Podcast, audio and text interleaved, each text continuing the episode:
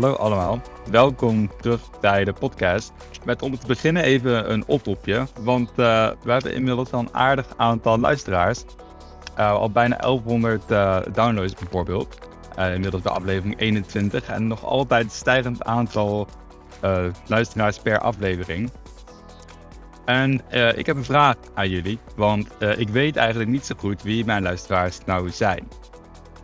Um, vanuit Spotify en uh, Google en dat soort dingen krijg je eigenlijk heel weinig informatie uh, qua privacy. Dus alleen maar de locatie van mensen. En aangezien de meeste afleveringen in Nederland zijn, is dat ook niet zo bijster verlichtend. Dus ik was daar wel benieuwd naar van uh, ja, wie zijn eigenlijk mijn luisteraars en hebben jullie nog feedback of tips of opmerkingen over de podcast? Ja, ik zou heel graag uh, van jullie willen horen. Dus stuur me een berichtje op Twitter. Uh, staat, mijn Twitter staat in de show notes. Of stuur een e-mail op uh, maartenjvandoorn.gmail.com maartenjvandoorn.gmail.com Allemaal aan elkaar. Ik ben heel erg benieuwd om van jullie te horen. En ik zou het heel leuk vinden om ja, met een paar luisteraars in contact te komen. Nou goed, over naar de aflevering van vandaag. vandaag heb ik weer een gesprek met twee andere mensen. Dus we zijn met z'n drieën. De eerste gast die ik wil introduceren is uh, Dick Timmer.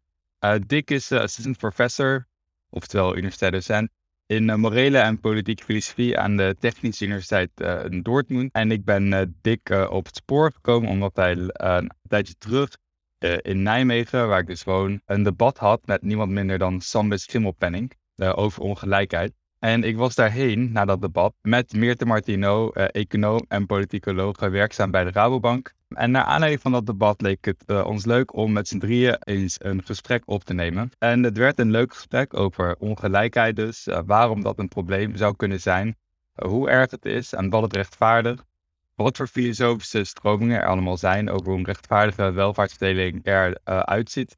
En ook waarom het onzinnig is om voor of tegen hoge belastingen te zijn. En ook nog onzinnig om bedrijven te willen belasten en over nog heel veel meer dingen. We beginnen zo met de vraag uh, waarom ongelijkheid überhaupt een moreel-filosofisch probleem is. Uh, want, simpel gezegd, zolang je daar niet aan failliet gaat, mag elke werkgever toch het salaris uitkeren wat hij wil. En zolang mensen zich met dat verdiende geld gewoon aan de wet houden, mogen zij er toch mee doen wat ze willen. Dus waar in die keten komt het probleem ongelijkheid, uh, welvaartsverdeling ineens op. Daar komen we er zo in en ik wens jullie heel veel plezier in dit leuke gesprek.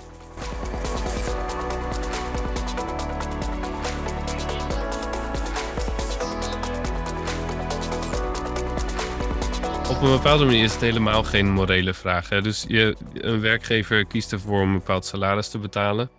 Um, en vervolgens moet daar belasting over betaald worden. En dat is eigenlijk waar en die, en die belastingen die zijn er omdat we bepaalde publieke voorzieningen um, willen, uh, willen hebben. willen openbaar onderwijs hebben of willen vrij onderwijs hebben. We willen dat de zorg toegankelijk is. We hebben infrastructuur nodig.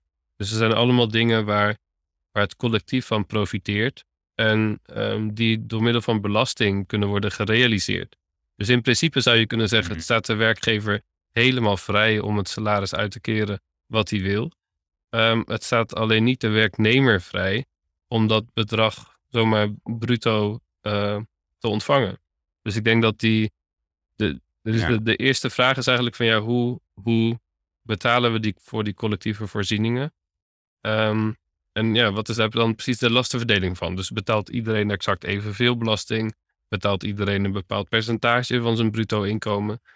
Um, dus, maar dat is denk ik voor mij. Er zijn denk ik meerdere redenen om te denken, nou, er moet niet te veel ongelijkheid zijn. Um, maar in eerste instantie is, moeten we nadenken over hoe gaan we belasten. En moeten we nadenken over wie draagt de, de lasten en de lusten van het vormgeven van onze maatschappij. Um, ja, en dan, ga je nadenken over belasting en dan ga je dus nadenken over hoe zou, ja, wat, wat is een eerlijke verdeling daarvan? Oké, en als je eenmaal begint met daarover nadenken, wat zijn dan een beetje de, relevante factoren voor uh, wat maakt nou dat ongelijkheid in inkomen of vermogen uh, onrechtvaardig begint te worden. Ja, dus wanneer, wanneer wordt het dan volgens jou een probleem, denk ik, hè? Mm ja. ja, er zijn denk ik verschillende dingen die je zou kunnen zeggen. Dus ik denk dat een minimale, zeg maar, morele commitment van de overheid moet zijn om ervoor te zorgen dat mensen niet dakloos op straat hoeven te leven. Uh, dat kinderen naar school kunnen gaan. dat mensen toegang hebben tot de gezondheidszorg. Ehm, en als het daaraan ontbreekt, dan, dan betekent dat dat we ofwel te weinig belasting heffen, ofwel ehm, die belasting niet goed gebruiken. Dus ik denk dat je, er zijn, dat is een soort, het, het zorgen dat mensen genoeg hebben van bepaalde basale voorzieningen, is Mhm. denk ik een eerste pijler van een, ehm, van een rechtvaardige samenleving. En daarnaast kun je denk ik ook kijken naar andere dingen. Dus als er bijvoorbeeld een te grote ongelijkheid in politieke macht ontstaat, doordat er een grote vermogensongelijkheid is. Ehm, of als, als je in een samenleving leeft waarin bepaalde groepen mensen eigenlijk niet meer met elkaar in contact kunnen komen, omdat er segregatie ontstaat op basis van inkomens- of vermogensverschillen, dan, dan zijn dat denk ik ook redenen, wat mij betreft, om te sturen ehm, door bijvoorbeeld belasting naar meer gelijkere verdeling. Maar ik denk in eerste instantie dus het voorzien van die basale behoeften. Ehm, dat dat een ja, minimale commitment is die de overheid zou moeten hebben. En waarvan denk ik ook heel veel mensen zeggen. eh, ja, dat is in ieder geval iets waar de overheid in moet voorzien. voorzien. En hoe, hoe zie jij dat dan nu in Nederland? Ja, dus ik, ik ben zelf geen empirische wetenschapper. Dus mijn, mijn kennis daarover, daar moet ik helemaal vertrouwen op wat ik lees eh, en om me heen hoor. Ehm, maar er was bijvoorbeeld pas een onderzoek over armoede onder kinderen. Ehm, waaruit bleek dat één op de negen kinderen in armoede opgroeit. En bijvoorbeeld dus geen geld heeft voor verjaardagen. ehm, soms de school, bijdrage op school niet kan betalen. En, ik- en ik denk dat dat iets is waar... Ja, dat is een, een schandaal, denk ik. In een land dat zo Hmm. rijk is als Nederland. Ook nu nog. Ehm, en dat, je, je ziet dat denk ik in meer dingen. Dus er zijn in Nederland werkende armen. Mensen die, die fulltime werken of in ieder geval heel veel werken. En toch niet in hun bestaansbehoeften kunnen, kunnen voorzien. Ja, dat, dat is ook iets waarbij denk ik de overheid en wij dus collectief tekortschieten. Ehm dus ik denk dat daar zeker Mhm. dat daar zeker iets aan is. Dus we, we denken vaak over armoede als een derde wereldprobleem. Ehm, en, en ik denk niet dat dat, dat dat terecht is, omdat je ook in een land als Nederland dus echt in armoede kunt leven. Ehm, en dat, ze, dat is denk ik een reden om te zeggen, hey, moeten we die koek niet anders verdelen? Ja, Maar ik ben benieuwd met hoe jij daarnaar kijkt, want jij hebt hier natuurlijk ook ervaring mee. Ehm, mensen die, ehm, die in moeilijk, zeg maar, economisch gezien of qua bedrijf in moeilijkheden zitten. Hmm, Ik vind het lastig om te linken aan mijn ervaring bij Rabobank, omdat ik daar voornamelijk natuurlijk naar eh, agrarische bedrijven ben geweest. Dus ehm, daar kan het qua inkomen wel heel slecht mee gaan. Maar die hebben toch vaak veel vermogen, al, zi- al hebben ze dat niet hè, vrij tot hun beschikking, want dat zit vast in land of eh, eh, gebouwen. Maar ehm, op het moment dat ze stoppen, dan is het probleem ook wel vaak voorbij.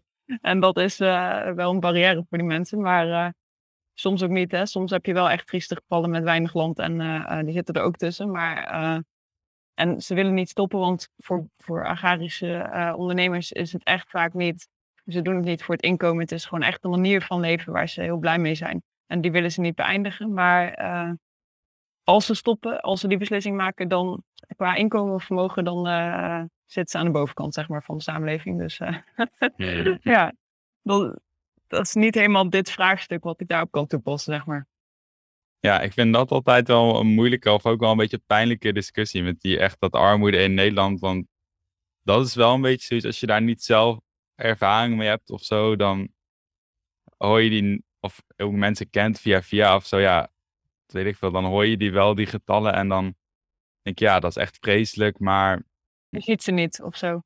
ja, je ziet ze niet. En het is ook wel, in ieder geval in Nederland, niet. Ja, je, het komt af en toe voorbij, maar het is vaak in mijn eh, perceptie niet echt, zeg maar, de kern van het debat over ongelijkheid. Het komt meer vaak af en toe een beetje voorbij als, oh, dit is ook echt een schande. Net als dat heel veel dingen, eh, ja, echt als, oh, dit is ook weer zo'n schande van, van de regering weer worden gebracht. Want meestal, dat debat gaat meestal over. ehm, eh, gaat meestal over de bovenkant van de samenleving, zeg maar. Dat debat over ongelijkheid, dat we die, ehm, dat die te veel hebben of dat dat gat echt te groot wordt tussen niet echt alleen misschien die echte onderkant, maar ook gewoon eh, de, de midden, het midden, zeg maar. Maar het zijn soms ook, denk twee kanten van dezelfde munt. Kijk, er zijn in de politieke filosofie verschillende ideeën over hoe, zou de, hoe ziet een rechtvaardige welvaartsverdeling eruit. En sommige daarvan focussen heel erg op het idee dat zo'n verdeling gelijk moet zijn. Of dat betekent niet dat Hmm. iedereen evenveel heeft, maar in ieder geval dat er een bepaalde bandbreedte is ehm, tussen de, zeg maar de, de bovenlaag en de onderlaag. Dus bijvoorbeeld Plato die zegt, nou, je hebt verschillende, soort verschillende sociale klassen. En de rijkste klasse die mag maximaal, ik geloof, drie of vier keer zoveel bezitten als de, de armste klasse.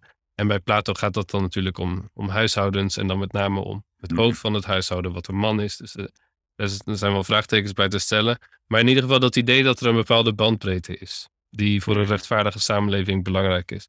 En voor Plato is dat ook heel pragmatisch, want hij denkt dat als die, eh, als die ongelijkheid te groot wordt, dan zorgt dat ook gewoon voor sociale onstabiliteit. En dat, dat moet je willen vermijden. Dus, ehm, dus er zijn verschillende redenen om te pleiten voor een gelijkere verdeling. Maar je kunt ook zeggen, het probleem met, die, met vooral grote vermogens. Dus in Nederland gaat het denk ik niet zozeer om grote inkomens, maar om, om de grote vermogens. Ehm, Mhm. Volgens het CBS heeft ongeveer iets, meer, iets minder dan 1%, meer dan 25% van het private vermogen. We hadden eh, vorig jaar geloof ik economen die becijferden dat dat misschien wel een derde van het private vermogen is. Maar dat is in ieder geval een, een grote ongelijkheid. Ook in vergelijking tot vergelijkbare economieën. Ehm, je kunt zeggen, nou, het probleem daarmee is niet alleen dat er ongelijkheid is, maar ook dat die enorme vermogens bestaan in een land waarin sommige mensen dus niet aan het bestaansminimum komen. Dus dan is, het, dan is je Ja. zorg niet, of niet zozeer of niet alleen een ongelijke verdeling, maar ook ehm, een verdeling waarin niet iedereen genoeg heeft. En er zijn binnen de politieke filosofie Ja. bijvoorbeeld ook mensen die zeggen: nee, het gaat eigenlijk niet om gelijkheid, het gaat om ervoor zorgen dat mensen genoeg hebben. En als iedereen genoeg heeft, dan maakt het niet meer uit wat voor ongelijkheid er dan ontstaat. Ik denk dat je daar vraagtekens bij kunt, kunt stellen. Ehm, maar maar, maar dat, dat is een, ook een manier om, om na te denken. En dan komt denk ik die armoede dus veel meer in beeld.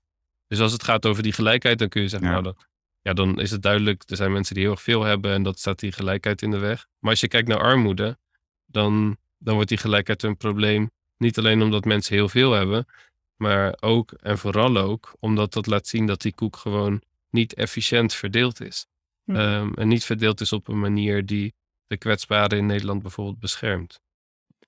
Ja, dus dat is eigenlijk wel een goed antwoord op eh, waar we helemaal mee begonnen. Dus wat, wanneer komt nou die vraag op? Nou ja, we hebben dus met z'n allen een overheid en eh, een soort van minimale eh, verplichting, of in ieder geval een verplichting daarvan. Eh, wat we met z'n allen wel een beetje vinden, is dat die zou moeten zorgen dat iedereen eigenlijk boven een bepaald minimum uitkomt. En ja, overheid heeft zelf natuurlijk geen inkomsten behalve belasting, dus daar heeft het gewoon, daar moet het die hoge inkomens eigenlijk voor gebruiken om ervoor te zorgen dat iedereen boven een bepaald minimum zit. Om, ten eerste. Dat denk, dus ik denk niet dat dat de enige commitment is, maar dat is denk ik een hele belangrijke. Ja. Alle voorwaarden. Ja. Ja. En het gaat uiteindelijk natuurlijk om, om de legitimiteit van de overheid. Hè? Dus wat er op het spel staat is waarom zouden we, waarom moeten we ons iets aantrekken van overheidsmacht? En zo een heel Hm. klassiek antwoord van Hobbes is bijvoorbeeld dat de, de macht van de overheid gerechtvaardigd is op het moment dat de overheid jouw jouw lijfsbehoud beschermt. Dat is een hele minimale commitment. Maar het idee is dat als de overheid dat niet meer kan doen, dan is de macht die de, die de overheid over ons uitoefent ook niet meer legitiem. Ehm, dus als wij in een, in een land Hm. leven waarin bepaalde mensen niet aan hun bestaansminimum kunnen, kunnen voldoen, dan kun je je afvragen, ja, wat zegt dat over de legitimiteit van de overheid? Ehm, is, dat, is dat wel gerechtvaardigd? Eh, Terwijl Ja. op het moment dat die verdeling zo is dat bijvoorbeeld iedereen voldoende heeft, en ik denk dat je meer zou moeten hebben dan dat, maar ehm, dan, dat, dat versterkt die legitimiteit. Dat versterkt de, ja, de, de, de redenen om, om de overheid te accepteren en om overheidsmacht te accepteren. Ik had verschillende onderzoeken gezien ehm, waaruit dan blijkt dat de meeste mensen in westerse landen die willen dat zowel de inkomens als de vermogens gelijker worden verdeeld eigenlijk. Dus ehm, terwijl dat Mhm. hangt natuurlijk weer samen met democratie, want we leven eigenlijk in een democratie. De meeste mensen, de meerderheid, die wil dat het eh, eerlijker wordt verdeeld. Werkt die democratie dan nog goed? Dat is iets wat je je af kunt vragen. Ja, dat kun je. Dus dat, weet- dat is natuurlijk altijd een spannende vraag. Want het kan ook zijn dat de meerderheid iets wil wat niet, niet rechtvaardig is. Klopt. Ehm, maar kijk, wat je bijvoorbeeld in Nederland ziet, en in Europa ook wel, is dat er een soort wapen- of belastingwetloop is tussen landen, waarbij met name de belasting voor grote bedrijven en grote vermogens ehm, over de, de, afgelopen decennia steeds lager geworden is. Ehm, dus je, je en de, de vraag is, is dat, is dat democratisch? Um, is dat rechtvaardig? Uh, zijn, daar, zijn daar goede redenen voor te geven? Is iedereen daar, of worden de kwetsbaren daar beter van bijvoorbeeld? Um, als het antwoord daarop nee is, dan, moet je, dan kun je er denk ik kritisch over zijn. En nadenken over hoe zou het mhm. anders kunnen. Um, maar het is inderdaad opvallend dat. Ik vind dat het wel interessante onderzoeken om, om te kijken naar wat. Hoe, hoe ziet de ideale verdelingen uit volgens mensen? Ja. Um, ja, en dan vervolgens de vraag wat betekent dat voor de democratie als dat niet gerealiseerd wordt. Ja, en ik denk dat dat zeker in het geval van inkomen- en vermogensongelijkheid een belangrijk thema is, omdat geld in essentie uiteindelijk gewoon samenhangt met macht. Dus de rijke mensen hebben meer mhm. macht en kunnen dus meer invloed uitoefenen op de democratie, hoewel dat eigenlijk niet zo zou mogen zijn. Want democratie betekent dat iedereen eigenlijk een gelijke invloed zou moeten hebben. Ja, of in elk geval dezelfde mogelijkheid om invloed uit te oefenen. Ja, het is een andere, andere reden om die ongelijkheid niet te groot te laten worden, is dus dat je dan ziet dat mensen die meer hebben, uh, meer invloed hebben op um, zeg maar het democratisch proces. Terwijl dat eigenlijk niet de bedoeling is, want het zou gewoon uh, gelijk verdeeld moeten zijn over eh, elke, elke burger. Ja, ik, dat, ik vind dat ook zo verbazingwekkend, die statistiek die jij net al even noemde, Dick, dat dus in de afgelopen eh, decennia in ieder geval de belasting op vermogen en zo, en eh, dat die gewoon omlaag is gegaan. dat is echt zoiets waar je dan dus, als je, voordat je hier een beetje in, induikt, dat je dan denkt, nou ja, dat zal, dat verwacht je gewoon niet, omdat het is in ieder geval tegenwoordig, of in ieder geval misschien in mijn bubbel, zo'n debat en zo'n thema. En ja, ook wel blijkbaar dus zo'n consensus en ook in ieder geval meerderheidswens om die dingen omhoog te krijgen. Maar het is dus eigenlijk uh, over de lange termijn alleen maar omlaag gegaan. En dat is misschien wel, zonder als een soort complottheoreticus te klinken, maar dat komt over als een voorbeeld van de, van de politieke invloed van, uh, van mensen met geld. Of een gebrek aan, aan daadkracht en visie bij nationale overheden. Dus we hebben natuurlijk al heel erg lang een Europese Unie die Um, wat in principe een heel goed platform zou zijn om belastingregels te coördineren tussen landen. Terwijl belastingen zijn toch heel erg een nationale aangelegenheid. En dat betekent dat grote bedrijven en ook vermogende mensen kunnen shoppen bij landen. Um, en, en op die manier zorgen dat ze zo weinig mogelijk belasting betalen. Uh, dus er, zit een bepaalde prikkel in ons belastingssysteem, maar ook in het, in het Europese belastingssysteem. En, en hoe verschillende landen belasting heffen die maken dat het gemakkelijk of relatief gemakkelijk is om weinig belasting te betalen over vermogen. Naast dat ook in Nederland zelf de vermogensbelasting heel laag is ten opzichte van de inkomensbelasting. Maar die, die prikkel, dat is, is toch, komt toch op hetzelfde neer dat die belasting zo laag is? Of heb je dan twee verschillende dingen in je hoofd? Sorry, hoe bedoel je? Nou ja, dus je zegt van er is een bepaalde prikkel om het sowieso in te richten. Um, maar het belastingssysteem beloont eigenlijk uh, dat je veel vermogen, of het is gunstig om op die manier geld te verdienen eigenlijk. Want uh, de belasting op arbeid, uh, of in ieder geval de marginale belasting op arbeid, is, vaak veel hoger dan, oh, dan op vermogen. Ja, ja, dus, oh ja, dus er zijn eigenlijk twee prikkels. Dus um, voor mensen met geld is er een prikkel om op een bepaalde manier geld te verdienen. dus in Nederland is bijvoorbeeld het, of nou, er komt nu misschien verandering in, maar het investeren in vastgoed en in huizen is de afgelopen jaren natuurlijk heel erg populair geweest. En dat is gewoon omdat er vrijwel geen, als je dat slim inricht, betaal je vrijwel geen belasting over de, de huur die huurders moeten afdragen. Dus dat is een, op het moment dat je daarin zit, een heel lucratieve business. Dus individuen en ook bedrijven hebben op basis van het belastingstelsel dat wij hebben, bepaalde prikkels om op een bepaalde manier te investeren. Daar kan de overheid natuurlijk ook mee sturen. Um, maar daarnaast is het zo dat als, als je ziet dat, uh, dat grote bedrijven bijvoorbeeld strategisch hun, hun um, belasting in verschillende landen gaan betalen. Bijvoorbeeld om zo weinig mogelijk belasting te betalen. Um, omdat in Nederland bijvoorbeeld een bepaalde belasting lager is dan in een ander Europees land of in Amerika. Uh, en dat geeft die landen onderling ook een prikkel om de belasting naar beneden te halen. Want als bijvoorbeeld Nederland ziet dat Oh, ja. bedrijven naar Duitsland gaan omdat daar de belasting lager is. Nou, wat is dan slim om te doen? Zorgen dat die belasting in Nederland ook omlaag gaat. Omdat je dan bijvoorbeeld netto meer overhoudt. Maar ja, een alternatief is, wat je dan, nee, dan krijg je een spiraal naar beneden. Maar het alternatief is dat je op bijvoorbeeld Europees niveau afspreekt. In alle landen ehm, belasten wij bepaalde diensten of goederen, producten enzovoort tegen een mini- minimaal tarief. Eh, en dan krijg je dus niet zo'n spiraal naar beneden en wordt het voor bedrijven ook moeilijker om, om te gaan shoppen. Ehm, en om dus op, een kunstmatige manier, als het ware, hun belasting omlaag te, hun belastingen laag te houden. En, en denk je dat dat shoppen ook geldt voor personen? Want bij economie is min of meer het eerste wat je leert, is dat niet zo heel veel uitmaakt eh, of je bedrijven nou belast of niet. Want uiteindelijk komt het terecht bij personen. Ehm, hè, dus bedrijven kunnen niet heel veel bijdragen aan een, een eerlijke, of hoe zeg je dat, een ongelijkere of gelijkere eh, verdeling van inkomens of vermogens. Want dat geldt voor personen en niet voor bedrijven. Ja, dus dat is een heel goede vraag. En dan, ik kan er, dan, dat is eh, buiten mijn, mijn pay grade. Dus ik denk, kijk, op een bepaalde manier.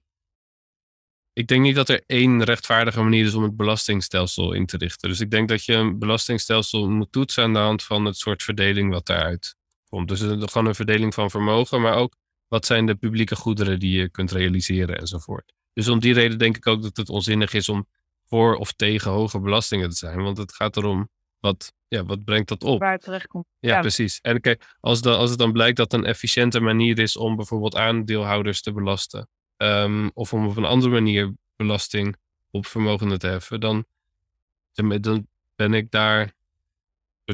ja, dat, ik denk niet dat daar een soort diepere waarheid is over hoe zouden we dat dan precies moeten doen.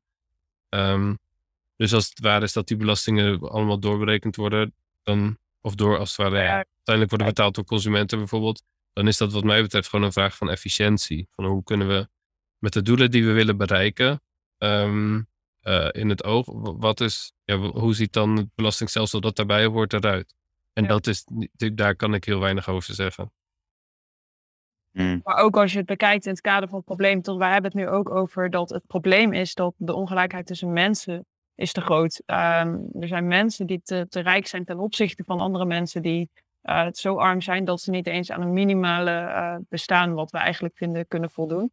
Ehm, en, en dat vinden we niet van hè, bedrijven, ja, dat is leuk, maar er zitten natuurlijk mensen achter die bedrijven waar het dan weer om gaat. Ik denk dat er ook wel, dat je, dus eh, er is een, eh, een boek waarvan ik even de titel vergeten ben. maar Het gaat over de macht van de, de publieke en politieke macht van grote bedrijven. En er staat een voorbeeldje in van twee arbeiders uit Engeland die dan niet mogen beslissen wanneer ze, hoe laat ze gaan lunchen, maar die wel mogen stemmen voor of tegen de brexit. En terwijl die, die laatste keuze heeft natuurlijk gigantische gevolgen en die eerste is relatief onbeduidend. Maar dat voorbeeld wordt gebruikt om te laten zien dat bedrijven een enorme macht hebben in het leven van mensen. Ehm, dus eh, waar mensen wonen, wanneer ze werken, hoeveel vrije tijd ze hebben, wat voor inkomen ze hebben.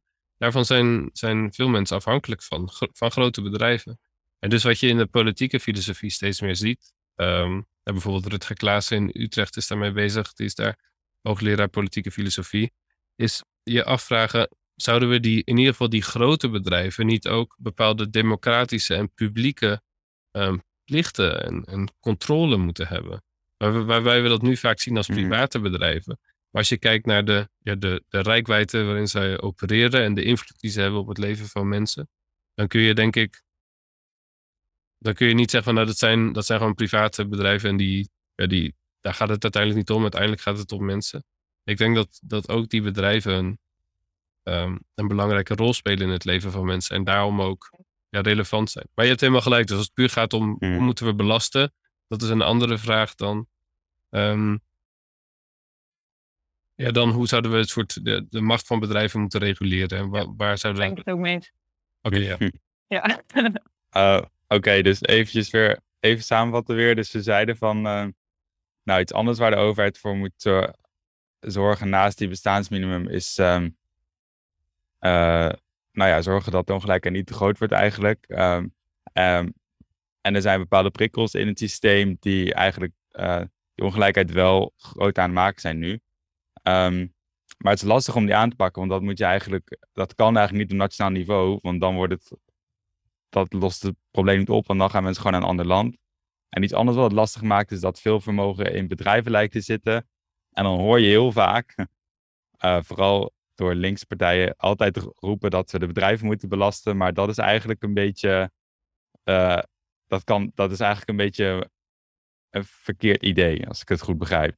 Nou ja, je kunt het wel doen, maar het, het doel is uiteindelijk om de personen te belasten. En je gaat als middel het bedrijf gebruiken. Het kan wel, maar uh, de vraag is of het inderdaad efficiënt is. En is het niet een middel, mm. dat dat gezegd wordt, verbloem je dan niet het doel eigenlijk? Dus het wordt vaak gezegd dat niet gezegd hoeft te worden dat we de personen willen belasten, terwijl dat is eigenlijk het doel wel wat erachter zit. Ja, misschien één ding wat in Nederland heb je natuurlijk ook wel, um, je hebt bedrijven en je hebt bedrijven. Uh, dus er zijn natuurlijk ook, en dat gaat met name voor grote vermogens, mensen die hun vermogen wegzetten in bedrijven, omdat dat gewoon belastingtechnisch voordelig is. Um, En daarvan vraag ik me af of je, ook als je zegt, nee, uiteindelijk gaat het erom dat we, dat we mensen belasten, um, of dat we die, dat we grote vermogens aanpakken, dan moeten we dus kijken naar wie zijn nou eigenlijk, ja, hoe, hoe doe je dat? Um, dan zijn er bedrijven waarbij je, ja, die, dus die duidelijk bedoeld zijn gewoon om weinig belasting te kunnen betalen. Ik vond het een mooi voorbeeld, kwam ik een tijdje terug tegen van de Baby BV. Dus dat is een, een bedrijf oh wat je opricht als je een kind hebt en dan, een, nou ja, het liefst dan natuurlijk een baby. En daar geld in stopt en je kind is daar dan ook op, via bepaalde constructies eigenaar van. En het idee is dat als je sterft, dan hoeft je, geen, hoeft je kind geen erfbelasting af te dragen, want dan is dat eigenlijk hmm. al van, van je kind. Maar dat is denk ik een, dat is een heel makkelijk voorbeeld van een bedrijf wat heel duidelijk bedoeld is, eigenlijk maar één doel heeft. En dat is belasting of geen belasting hoeven betalen. Um, dus belasting ontwijken. En dat, ja. ik denk dat, ja, dit, dit is denk ik een voorbeeld waarvan, een duidelijk voorbeeld waarvan je moet zeggen, nou één, dat moeten we niet willen. Um, en twee, dit zouden we gewoon moeten, moeten belasten. Um, maar er zijn waarschijnlijk ook bedrijven, er zijn uiteraard bedrijven waarvoor dit niet geldt. en, ja. en, waarbij ja, die, die in die zin minder duidelijk zijn. We um, maar dus in, in, ieder geval in sommige gevallen worden vanwege ja, hoe het Nederlandse belastingstelsel werkt, worden bedrijven gebruikt om ervoor te zorgen dat er gewoon minder belasting hoeft te worden betaald. En als dat het doel is van die bedrijven, dan heb je denk ik ook een reden, en die bedrijven daar succesvol in zijn, of die structuren succesvol zijn, heb je ook een reden om daar specifiek kritisch naar te kijken. Ja, maar de vraag is dan wel, hoe komt dat vermogen uit het bedrijf bij de persoon terecht? En ik denk dat je daar dus uh, iets op moet doen. Dus dat de, hele structuur niet meer aantrekkelijk wordt, want dat is inderdaad gewoon niet wenselijk. Ja. Maar ja, de, de vraag is ook, hè, jij zegt al van uh, uh, het echte probleem in Nederland zit in elk geval, lijkt meer in de vermogensongelijkheid te zitten dan in de inkomensongelijkheid. Maar de vraag is dan van hoe worden die vermogens verdiend?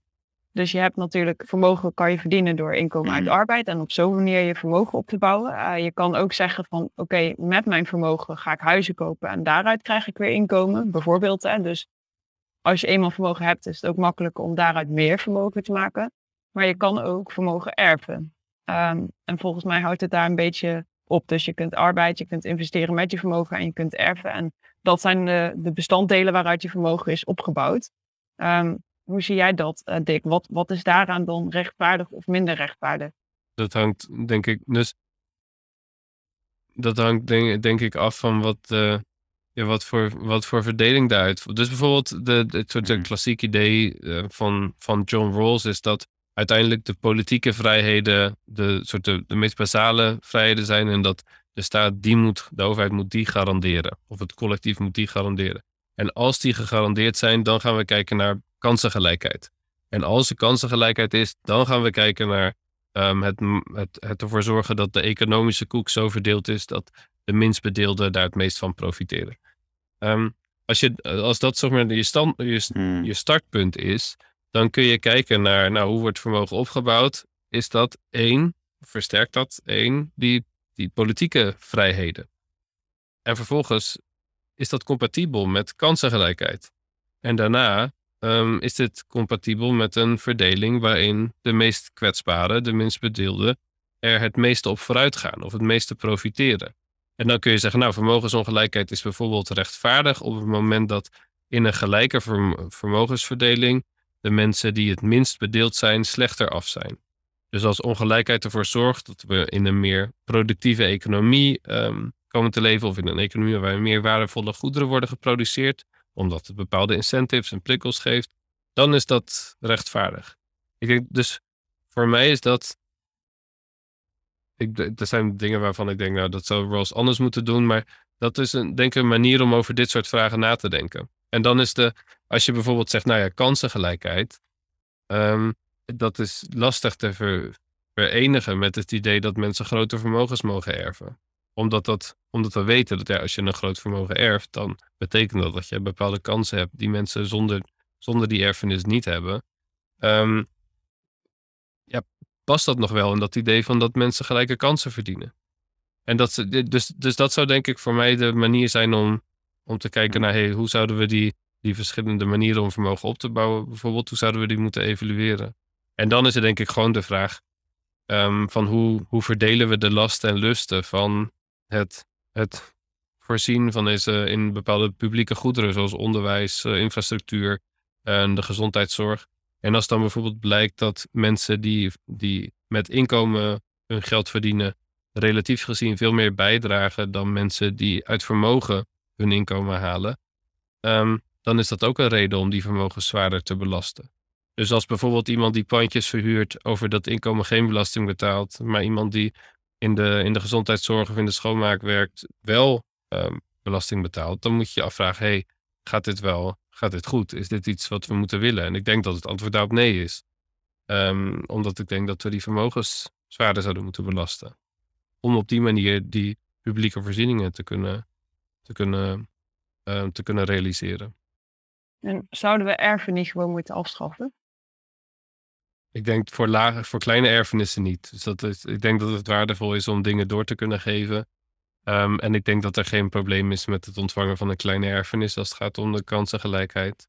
Het is denk ik ook niet realistisch om te verwachten dat je voor iedereen exact gelijke kansen creëert. Maar ik denk wel dat er een, een limiet aan zou moeten zitten.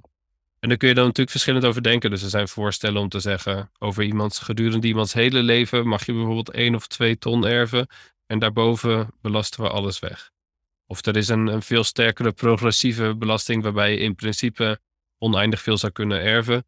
Um, maar de, de, ja, de marginale druk op elke extra euro wordt steeds hoger. Dat, dus er zijn verschillende dingen om dat vorm te geven.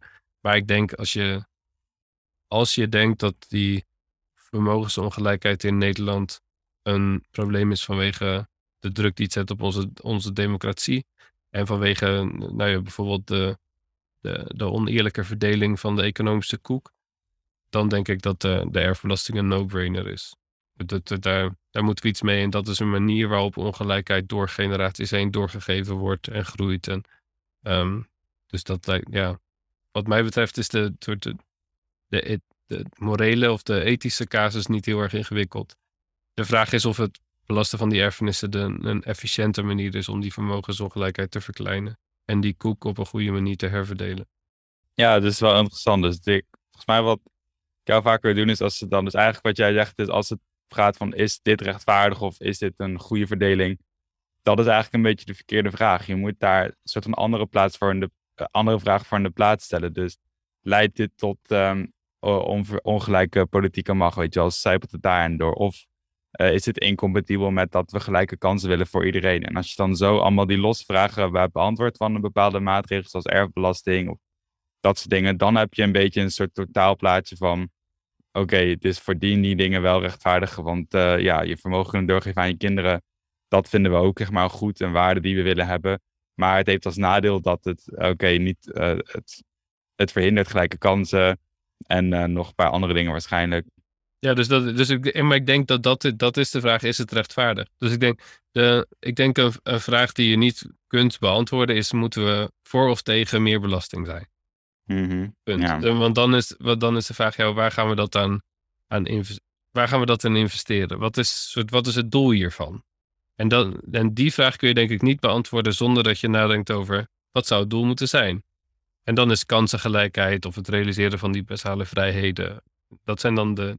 Precies, precies hoe je, wat je zegt. Dat zijn dan de principes die je gebruikt om, om na te denken. Dat is in de politieke filosofie vaak soort de instrumenten die je hebt. Dus je hebt argumenten die Mhm. je probeert te doordenken en bepaalde waarden of rechten die, je- waarvan je probeert te kijken, hey, worden die gerealiseerd op deze manier? En hoe zou dat anders of beter kunnen?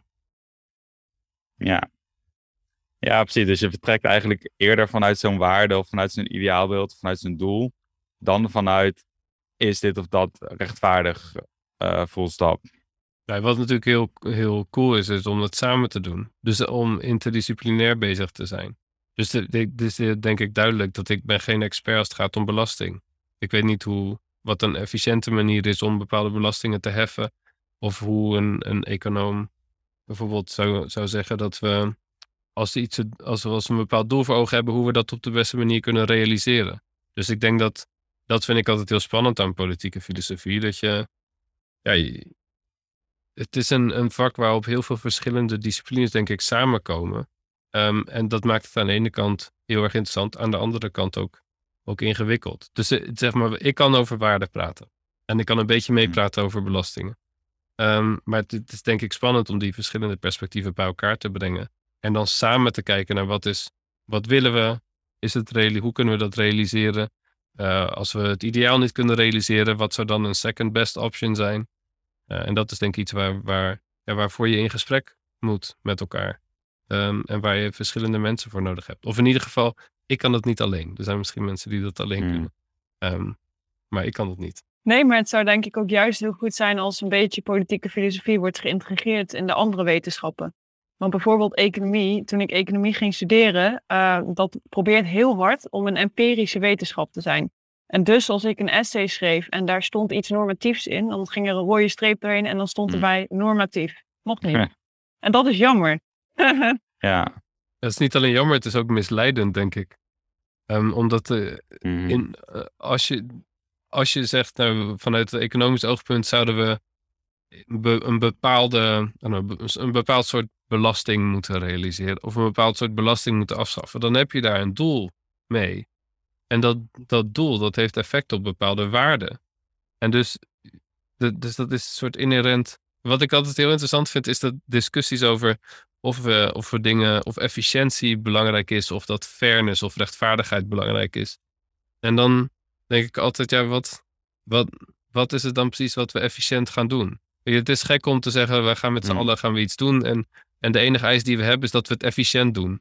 Dan is het, maar wat is, wat, er is niemand die zegt, nou, we moeten een gelijke, een gelijke verdeling van vermogen realiseren, maar laten we dat alsjeblieft zo onefficiënt mogelijk doen. En dat, dus, dus het gaat altijd Ja. om wat is precies datgene wat efficiënt is. En binnen de, binnen de economie en ook binnen de politiek gaat dat dan vaak bijvoorbeeld over economische groei. Dus wat we, we moeten zorgen dat we zoveel mogelijk groei realiseren. Wat je dan bijvoorbeeld op basis van het ehm eh, bruto nationaal product berekent of op een andere manier. Maar dan is dat het doel. En dat is een, er zit een, een morele, normatieve aanname achter. Namelijk dat dat waardevol is. Dus de- ik, ja, dat verbaast mij altijd. En ik, ehm, Mhm. ik vind het het is heel interessant om, om na te denken over ja, hoe kunnen we dit, denk ik, inzichtelijk maken. Eh, dat, dat efficiëntie eh, en ook dat, dat, dat de economie deels ook op bepaalde waarden gestoeld is. Waarden waar je achter kunt staan of die je kunt verwerpen. Of die je misschien kunt aanpassen. Ehm, omdat, ja, om, om dat idee onderdeel te laten zijn van het publieke debat. En niet te doen alsof, alsof rechtvaardigheid en efficiëntie tegen elkaar ingaan.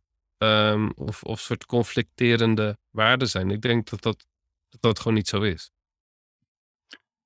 Ehm, waar komt dat idee vandaan dan? Dat, want ik ken dat niet, maar jullie volgens mij wel dat rechtvaardigheid en efficiëntie dat dat dan conflicteert. Binnen veel studies heb je een onderscheid tussen efficiency en equity, bijvoorbeeld. Waarbij equity dan een Oh, soort ja. eerlijke verdeling van de lasten is. Dat hangt een beetje af van het, van het soort vakgebied. En efficiëntie is dan dus eh, ehm, iets wat, wat bijvoorbeeld groei promoot. En dan staat bijvoorbeeld een gelijkere verdeling van de koek, staat economische groei in de weg. En dan is de vraag welke van de twee is, is belangrijker. Ik denk dat, dat, dat daar het idee Hmm. achterkomt. Maar wat je dan denk ik beter kunt zeggen, is dat wat je wilt, is het realiseren van twee waarden. Je wil namelijk economische Ja. groei stimuleren, of misschien nee, welvaartsgroei stimuleren. en je wil een bepaalde mate van gelijkheid realiseren. En die waarden, die botsen soms met elkaar. En wat je dan moet doen, is op een zo efficiënt mogelijke manier uh, een, een, ja, probeer het uh, te optimaliseren, als je dat zo wil noemen. Dus je probeert die, die beide waarden op een bepaalde manier um, te realiseren. En als daar conflicten zijn, dan moet je bepaalde afwegingen maken. Maar het is denk ik onzinnig om die afweging een efficiëntie versus equity of rechtvaardigheidsafweging te maken. Het is een afweging tussen verschillende waarden. Oké, en even na een switch, een ander onderwerp waar ik nog even over wil hebben, uh, zo richting het einde, is. Um, Oké, dus ik kwam net al even voorbij. Dus je hebt een aantal manieren waarop je inkomen of vermogen kan verdienen. Dat is door arbeid, erfenis of dat je geld verdient met je vermogen. En één, of misschien wel het belangrijkste verschil tussen die dingen. Uh, dus wat maakt nou dat, die, dat dat drie andere dingen zijn? Is dat, uh, tenminste, dat is dan de, de intuïtieve gedachte. Dat bij arbeid, dat dat is rechtvaardiger als daar de ongelijkheid uh, ontstaat, omdat dat uh, inkomen komt uh, in meerdere mate uit eigen verdiensten dan inkomen uit bijvoorbeeld erfenis. Um, dus ik wil het nog even hebben over eigen verdiensten als mogelijke rechtvaardiging voor, voor ongelijkheid. Um, ja, hoe zien jullie dat? Er zijn twee dingen. Dus het, het eerste is dat als je op basis van verdiensten ongelijkheid wil rechtvaardigen, Eigenlijk als je op basis van wat dan ook ongelijkheid wilt rechtvaardigen, dan moet je afvragen hoe groot mag die ongelijkheid zijn. Dus kan het zo zijn dat we zeggen we gaan de economische koek op basis van verdiensten verdelen en vervolgens zijn er bepaalde mensen die veel en veel meer hebben dan anderen. Kan dat? Of moet zo'n verdienstargument ingekaderd zijn? Dus dat is één. Um, twee is dat binnen de politieke filosofie in ieder geval, en ook binnen de economie trouwens, het idee van verdiensten eigenlijk geen rol speelt. Dus het, wordt natuurlijk wel, dat is niet helemaal waar, want er zijn wel mensen die dat verdedigen in beperkte vorm. Maar het is denk ik heel erg moeilijk om. Kijk, als je zegt dat iemand iets verdient, dan moet je daar bepaalde. Dan maak je bepaalde claims. Dus je zegt bijvoorbeeld dat iemand, dat iemand iets doet wat aan die persoon toegeschreven kan worden. dus het kan niet op basis van toeval zijn of zo. Het moet op basis zijn van iemands individuele capaciteiten, kwaliteiten, inzet enzovoort. Maar om daar op basis daarvan een grote ongelijkheid te rechtvaardigen, moet je denk ik ook zeggen dat diegene meer verdient dan iemand anders. Um, en het is heel moeilijk om, om, denk ik, om iets aan te wijzen op basis waarvan je zou zeggen, nou, deze persoon verdient echt meer, dus echt iets aan, aan dit individu wat maakt dat diegene meer zou moeten hebben dan een ander. Ik vind, dus binnen de politieke filosofie liggen zulke soort argumenten heel erg gevoelig, omdat er, er wordt heel veel gezocht naar wat is dat dan? Is dat meer uren werken? Is dat productiever zijn? Is dat meer talent hebben? Is dat meer inzet hebben? Maar heel veel van die dingen um, zijn niet alleen eigenschappen van het individu, maar komen ook voort uit de omgeving waarin iemand opgroeit. Dus iemand die ouders heeft die heel hard werken, zal sneller geneigd zijn om zelf heel hard te werken. Is dat dan diens eigen verdienste? Of iemand die met bepaalde talenten geboren wordt, die zal die, die talenten kunnen gebruiken en anderen hebben die talenten niet. Is dat dan eigen verdienste? Of iemand die in Nederland, nou, we zitten met iemand die voor de bank werkt, um, maar, dus dit gaat niet over jou, maar iemand die bijvoorbeeld een, eh, een heel middelmatige bankier is, die verdient waarschijnlijk meer dan een topviolist. Terwijl een topviolist veel getalenteerder is, denk ik, dan een middelmatige bankier. En waar komt dat door? Niet omdat we op basis van verdiensten belonen, maar door marktwerking. Dat komt door, door wat we bereid zijn, wat zeg maar, collectief bereid zijn, wat bedrijven bereid zijn om op tafel te leggen, of wat ze op tafel moeten leggen, om bepaalde mensen aan te kunnen nemen. Dus het idee dat wij op basis van verdiensten verdelen is denk ik onzin. Het idee dat we dat zouden moeten doen, daar kun je misschien niet voor zeggen. Ik ben daar zelf vrij sceptisch over. Maar ik denk in ieder geval dat je de, de enorme vermogensongelijkheid, dus ik zei eerder al, um, ehm, 25% van, van het private vermogen in de handen van 1% van de, van de huishoudens. Ik denk dat je, ja, je moet heel, heel retorisch lenig zijn om, om dat op basis van mm. verdiensten te kunnen rechtvaardigen. Ik denk dat dat gewoon niet kan.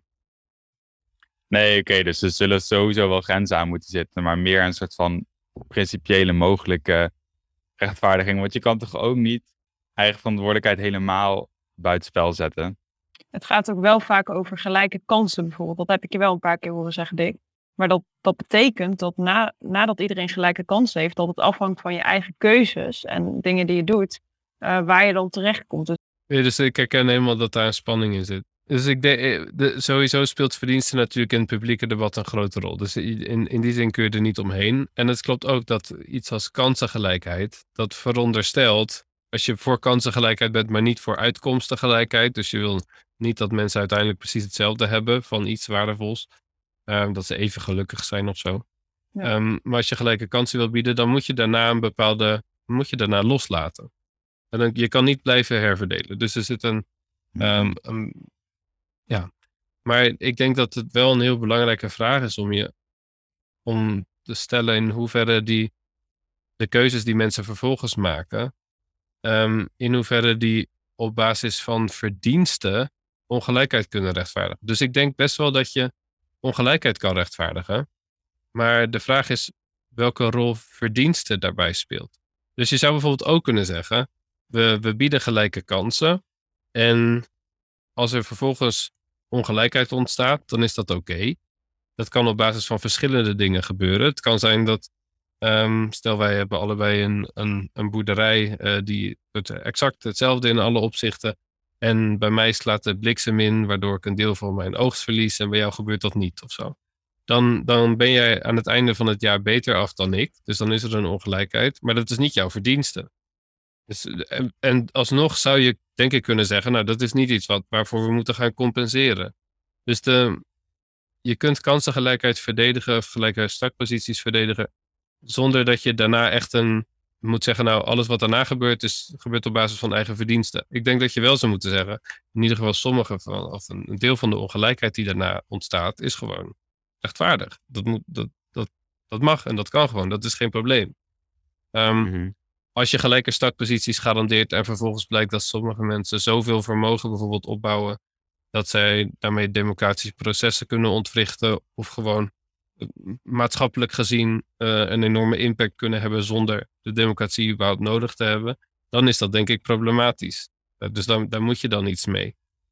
maar ja, de, de, dus maar laat ik dat als vraag stellen. Hoe ze, op basis waarvan zouden mensen moeten kunnen verdienen. Dus wat, wat maakt het dan met dus hard werken en talent? Zijn denk allebei dingen waarvan je je kunt afvragen. Is dat echt toe te schrijven aan dat individu? Of is dat niet ook iets? Nou, bijvoorbeeld de, de, middelmatige bankier versus de violist laat zien dat niet elk talent even, economisch gezien, niet elk talent evenveel gewaardeerd wordt. Dus, dus daarvan kun je niet zeggen, ja, de bankier verdient meer in morele zin dan de violist. Ik, ja, ik ben nog steeds op zoek naar wat, wat is dan de, op basis waarvan kun je zeggen, jij verdient meer dan ik? Ik denk dat dat er voor mij meer in zit, dat, dat de keuzes die mensen echt zelf maken. En, uh, dus kijk, je kan een persoon hebben en die, die wordt gelukkig van een uh, villa met een zwembad en die wil daar heel hard voor werken. Of je hebt een persoon en die heeft niet veel meer nodig dan een campertje en die wil daarmee de natuur rondtrekken. En die werkt dus veel minder en die andere persoon gaat dus veel meer werken. Uh, dan kan ik me voorstellen dat ik een ongelijke verdeling in inkomens en vermogens rechtvaardig vind. Want die ene persoon kiest daar heel bewust voor. Ja, dus dat, eh, dus dat, zou, dat kan. Maar dan gaat het dus om wat, zijn, wat is de keuze die een individu maakt. En dan moet dan dus ook echt die, de, de keuze van dat individu zijn. Dus dat, dat denk ik ook. Ik denk dat op macroniveau is dit heel erg lastig, omdat de keuzes die mensen maken ook gewoon sociaal beïnvloed worden. Dus het hangt af van rolmodellen, dat hangt af van sociale verwachtingen. Um, enzovoort. Dus, maar soort in deze ideale situaties denk ik dat dit een goed voorbeeld zou zijn. Ja. ja, ik heb ook altijd een beetje moeite met het vertalen zeg maar, van, die, uh, van dit argument van het macroniveau naar het individuele niveau. Dus dan zeg je, ja, weet gewoon het onderzoek mensen die. Uh, nou, dus bijvoorbeeld mijn vader is ook gepromoveerd dan, net zoals ik. En dat je dan, ja, weet bijvoorbeeld onderzoek is dat gebeurd, heb je gewoon zoveel procent meer kans. En uh, nou, en je inkomen van je ouders uh, was ook meer dan zoveel. Dus dan weten we ook, dan heb je ook zoveel procent meer kans. Dus ja, uh, Maarten, dat is wel leuk en aardig dat je zegt dat je goed je best hebt gedaan. Maar hoeveel, als we hier gewoon kijken, dan weten we gewoon dat er nog heel weinig overblijft. Wat verklaard kan worden door, door, dat jij, door jouw individuele variatie, zeg maar. Dus, um, dus ja, wat is je nou tof te doen? nou ja, als iemand dat zegt, dan zou ik hem echt een klap op zijn neus geven gewoon. dus ja. Maar, maar, er zijn twee dingen. Dus, dus één is de vraag, verdelen we in de, onze huidige maatschappij ehm, de koek op basis van verdiensten? Daarop is het antwoord denk ik nee. En de tweede vraag is, zouden we dat moeten doen? En daarop is het Mhm. antwoord denk ik ook nee. Maar, maar dat zijn natuurlijk nog wel twee verschillende dingen. Dus je, dus je zou kunnen zeggen ehm, ja, dat jij bevoorrecht bent of bepaalde privileges hebt. Dat is niet jouw verdienste. Nee. Ik, ik denk wel dat mensen denken dat we in deze maatschappij eh, de koek verdelen op basis van verdiensten. Omdat je steeds, ja, je, je wordt heel erg verantwoordelijk gehouden ook voor de keuzes die je maakt. Dus je bent verantwoordelijk voor je eigen keuze van opleiding, werk en dus ook voor je eigen succes. En dat wordt wel steeds meer, heb ik het gevoel, juist wel zo gezien. Ja, dat wordt wel zo toegeschreven, ja. Maar dat is dus te ver. Dus als, als Maarten zegt, eh, eh, ik zou mijn vriend, eh, wat zei je, op zijn bek slaan. Hm. Dan, dan kun je je afvragen of dat terecht is. Dus het kan natuurlijk zijn dat je heel erg sterk het idee, het idee hebt dat je hard werkt en dat het jouw verdienste is. En misschien werk je ook wel hard. Maar de vraag is of het feit dat jij hard werkt jouw verdienste is. Of dat dat niet ook op, door je sociale omgeving komt, door de voorbeelden die je hebt. Door, en, en dat is denk ik de, voor, voor, het, voor het echte, het sterke verdienstenargument. Want er is best wel wat wat je moet rechtvaardigen. Hè? Dus het, het gaat er niet alleen om dat je zegt, ja, ik verdien iets meer dan de ander, dus daarom mag ik meer hebben dan de ander. We hebben het echt over de verdeling van, van toegang tot waardevolle dingen. We hebben het over de, verdeling over de manier waarop mensen hun leven kunnen vormgeven. En dus moet je, denk ik, moet het verdienstenargument best wel sterk zijn om die grote ongelijkheid te kunnen rechtvaardigen. En ik denk zelfs als er een soort modest verdienstenargument te maken is, is het argument niet sterk genoeg, zeker niet sterk genoeg om de huidige vermogensongelijkheid te rechtvaardigen. Maar ik denk sowieso ehm, dat dat altijd een heel erg beperkt argument zal blijven. Wat desalniettemin in het maatschappelijk debat heel erg belangrijk is. Nou ja, met die analyse moeten we gezien die tijd maar eh, eens gaan afsluiten. Ehm, ja, Dick en Meerte, dank jullie wel. Ja, jullie ook bedankt. Ik vond het leuk. Ja, ik ook.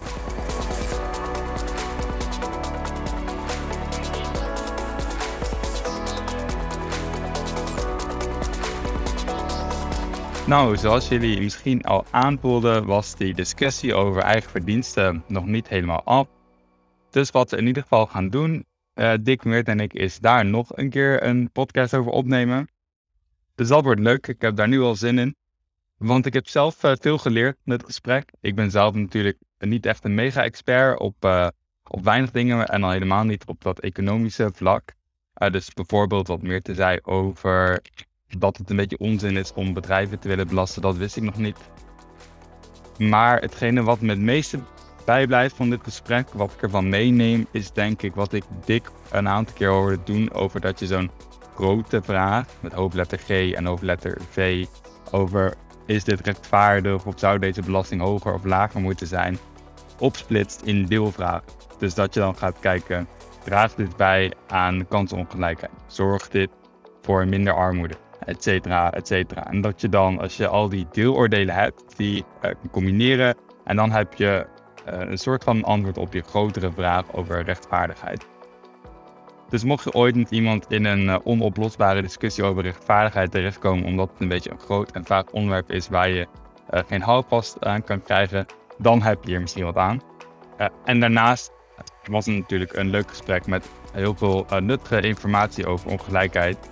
Voor mij in ieder geval. Dus wat zijn de mogelijke rechtvaardigingen ervan? Hoe wordt daar in de politiek filosofie over gedacht? En maak het uit eh, hoe je het verdiend hebt. Eh, en ik hoop dat het voor jullie ook leuk en nuttig was. En dan spreek ik jullie over een paar weken weer.